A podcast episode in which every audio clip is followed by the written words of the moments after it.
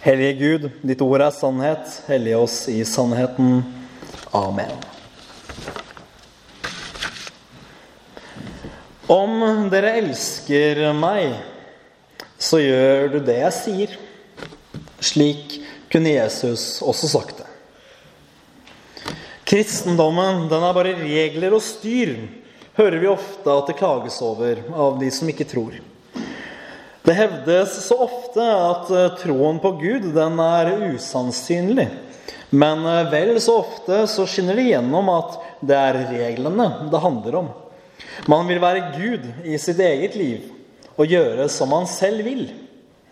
Man er jo voksen nå, og som på trass setter man seg ned og blånekter når andre prøver å legge føringer, selv når denne andre er universets veldige majestet klokt. Så har det også skjedd da, at vi kristne i et velment forsøk på å nå mennesker har prøvd å rydde dette av veien. Nei, kristendommen den handler ikke om regler. Kristendommen handler om Jesus. Og det siste der er jo helt sant. Jesus er helt sentral. Men Jesus Kristus er Gud selv. Og Jesus sier at dersom vi elsker ham, så holder vi hans bud. Det holder ikke mål å leve et liv som kristen i opposisjon eller ringakt for Guds bud. Og det vi kommuniserer da, det er jo i ytterste, ytterste konsekvens at Guds bud ikke er gode. Når det har blitt formidlet en totalt kravløs kristendom, ja, da får vi faktisk problemer med tekster som den vi leste fra evangeliet til Sankt Johannes i dag. For her setter Jesus egentlig ganske tydelige krav. Og de krav de er knyttet opp mot hans bud, Guds bud. Og hva er Guds bud? Jo, det er Guds hellige lov som ble gitt Moses på Sinafjellet, blant annet. Og vi kjenner jo de ti bud. Du skal ikke ha andre guder enn meg. Du skal ikke misbruke Herren din Guds navn. Du skal holde hviledagen hellig. Du skal hedre din far og din mor. Du skal ikke slå i hjel. Du skal ikke bryte ekteskapet. Du skal ikke stjele. Du skal ikke, ikke vitne falskt mot din neste. Du skal ikke vitne, du skal ikke begjære din nestes hus, og du skal ikke begjære din nestes ektefelle, arbeidsfolk eller andre som hører til hos ham. Dette er grunnlaget, og Jesu lære springer ut fra dette. Og Jesu bud er også de formaninger og befalinger fra Herren selv som vi finner i evangeliene. De er like hellige og rette. Men utfordringen er jo denne at å holde Guds lov helt til punkt og prikke, det er kilde til rettferdigheten. Hvis du holder en hellig Guds hellige lov, ja, da kjennes du rettferdig og skal ikke straffes. Men kan et menneske gjøre det? Nei, aldri i livet. For vi mennesker er syndere. Og av det så kommer det at vi ikke klarer å holde loven. Bare det første budet bryter vi når vi i vår arroganse og vårt hovmod setter oss selv på tronen i våre liv og gjør oss selv til Gud. Eller opphøyer andre mennesker til våre idoler. Et ord som faktisk betyr avgud. Og på den måten har andre guder i livet vårt enn Gud selv. Og også de andre budene bryter vi jevnt og ofte. Noen ganger av vond vilje, andre ganger av vane. Og like ofte av ugjennomtenkt tåpelighet. Uansett årsak så fører vi slik dom over oss. Men vi er nødt til å holde fast ved dette ene, at budene er av Gud. Guds lov er av Gud, og det gjør at de er hellige og rettferdige bud. For vi kan egentlig lande på helt feil konklusjon. At fordi loven ikke kan holdes av noe menneske til perfeksjon, ja, da må den altså være av det onde.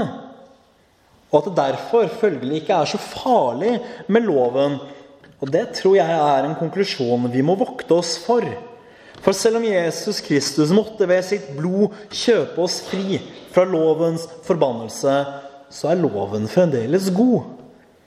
Vi er ikke lenger under lovens forbannelse og sånn sett heller ikke dens krav, men like fullt er loven en rettesnor som vi skal vurdere våre liv etter.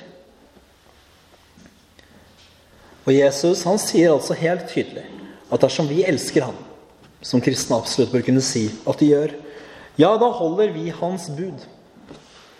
Men den kristne som er kjøpt fri av Jesu blod, født på ny gjennom dåpens vann og frelst ved troen på Kristus, han er frelst nettopp slik, og ikke ved sine egne gode gjerninger. Altså at han har holdt Jesu bud gjennom livet. Det er dette vi er nødt til å holde fast ved i møte med budenes krav, og også Jesu krav om å holde dem. Og Vi kommer dypere inn i dette etter hvert, men slik er det at den som stoler på sine egne gode gjerninger, den som sitter og haker av budene etter hvert som han holder dem for å vise at han holder Guds lov, han er ikke frelst.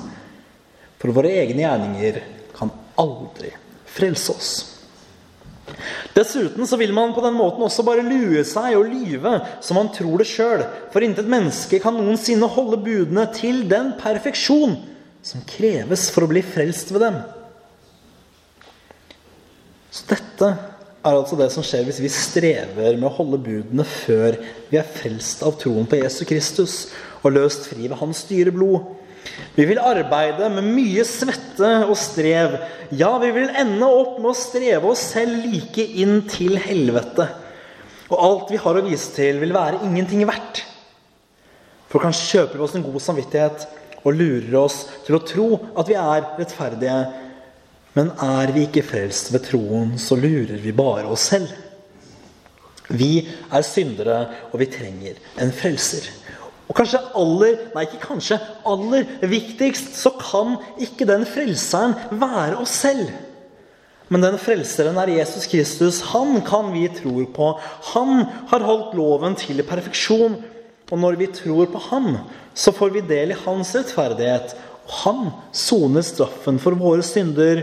Og ved hans blod og dåpens bad renses vi og fødes på nytt til et evig liv. Og det er ganske stort. Jesus visste at han skulle gå til sin fader etter at hans virke på jorden her var over. Og Disiplene de var naturlig nok redde og bekymrede. Men Jesus han beroliget dem og sa at de ikke skulle bli igjen som foreldreløse barn. Og det er godt og sant at Jesus ikke lar oss bli igjen som foreldreløse. For talsmannen, Den hellige ånd, ble utgitt over menigheten og han taler alltid vår sak. Og det er mer nødvendig enn du kanskje tenker over til vanlig.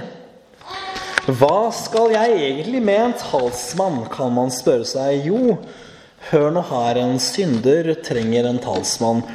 Vi har alle brutt Guds bud. Vi lever i opposisjon til dem, og vi skal for den himmelske domstol. Vi er tiltalt. Gud den store dommer, han tilhører dommen, og han vil dømme oss. Enten til evig liv eller til fortapelse. Men her kommer det store skiftet. Det uventede som ingen i sin villeste fantasi noensinne ville klart å koke sammen. Din talsmann er Gud selv. Han du har syndet mot, hvis lover du har brutt, han taler din sak. Og når Gud selv taler din sak, da vet du at du blir stående rettferdig og dømt fri til livet. For anklageren er heller ikke den du har syndet mot. Anklageren er en synder og en løgner selv. Ja, den aller største og verste av dem, enda til løgnens far, djevelen. Og djevelen har selvsagt all interesse av at du skal dømmes til fortapelsen han vet nok at han er på vei dit selv. Men om han får tatt med seg så mange av Guds barn og Herrens skapninger dit før det er for sent, ja, da har han gjort jobben sin godt, tenker han vel. Så derfor vil djevelen anklage oss. Han vil arbeide utrettelig med å plage samvittigheten og så tvil i sinnet. Dette vil han gjøre også med de frelste, de som alt tilhører Kristus. Uten stans vil han anklage oss rope til dommeren og til oss selv om hvor store syndere vi er, og at vi fortjener dom og straff og evig fortapelse. Og han vil ha rett. Men Gud gir ikke djevelen rett. For der vi fortjener dom, der går vi fri. Der Gud er rettferdig, der er han også nådig. Og fordi Gud er nådig, har han latt oss vinne frelse ved Jesus Kristus. Når Jesus Kristus har frelst oss, så kan djevelen anklage oss til han blir blå i trynet. Han kan ingenting gjøre. For når Frelseren selv også er den vi har syndet mot, da står frelsen støtt og fast, og ingenting kan rive oss ut av Jesu hånd. Og vi kan stole på dette, at når djevelen arbeider utrettelig for å få oss dømt, så vil han arbeide forgjeves. For der anklagen er, vil alltid talsmannen være. Og talsmannen vil uten strev tilbakevise anklagen. Ja visst fortjener de dom, men Jesus Kristus har sonet straffen. Han har oppfylt loven, og han har seiret over døden. Hva mer vil du da, djevel med Guds barn? Vil går fri. Gud har frelst oss. Jesu blod renser oss for all skyld. Djevelen er en urgammel anklager, men Den hellige ånd er en enda eldre talsmann. Og djevelen kan ikke felle den som tror. Alt dette måtte på plass for å kunne si noe om hva som skal til for at en kristen holder budene. En kristen som lever i opposisjon til Guds bud over tid, kan man nesten i sin ytterste konsekvens si at ikke er en kristen, fordi angeren og omvendelsen er viktigere enn vi ofte tenker. Men en kristen er ikke en kristen fordi han holder budene. Og Jeg håper at dere er med på forskjellen, ellers så kan det virke som om at jeg står her og forkynner gjerningskristendom, og det kan jeg jo ikke ha på meg. Men Jesu egne ord ligger som vanlig nøkkel. Han sier at talsmannen skal være i oss. Videre også at han lever, og at vi skal leve. Og at han er i Faderen. Og hold dere fast, vi er i ham, og han er i oss. Dette er større enn vi skjønner. Du er Jesus Kristus, og Jesus Kristus er i deg. Og hør da videre at det livet du nå lever som en kristen, det er ikke ditt liv. Det er ikke livet ditt du lever. Det er ikke ditt eget liv. Jesus Kristus lever i deg, og livet ditt er nå hans. Og det er nå Jesu Kristi liv du lever.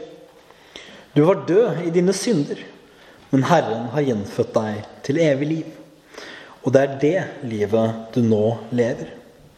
At noe er evig, betyr ikke bare at det er uten ende men også uten begynnelse. At det bare er og alltid vil være og alltid har vært. Og slik er Jesu Kristi liv. Og det livet er det du lever nå. Det er ikke sånn at evig liv er noe vi får når vi dør. Nei, evig liv, det er nå. For slik henger det sammen at da du ble født, ja, da hadde du et liv, men det livet ble over. Det tok slutt da du ble en kristen, da du gjenfødtes ved dåpens vann og Herrens ord. Og det liv Herren har hatt fra evigheten av, det får du da del i. Når dette er på plass, da skjønner vi hvorledes en kristen kan gjøre gode gjerninger uten at det er gjerningene som frelser.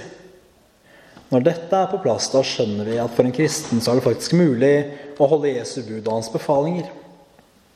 Ikke fordi vi er så fromme og sterke og klarer å aldri synde, eller og klarer å alltid motstå alle fristelser. Nei, nei. Men fordi livet vi lever, ikke lenger er vårt gamle syndeliv som vi ble født med, men Frelserens eget liv, som vi fikk del i ved vår dop og ved vår tro. Og fordi vi er i Jesus og Jesus i oss, da lar det seg gjøre å holde Hans bud, Hans befalinger. Fordi det er ikke våre gjerninger, det er Jesu Kristi egne gjerninger vi vandrer i, som allerede er ferdiglagt. Og vi gjør det av kjærlighet til Ham som allerede har frelst oss. Så Guds ære skal bli større og større. Og at vår ære aldri skal være.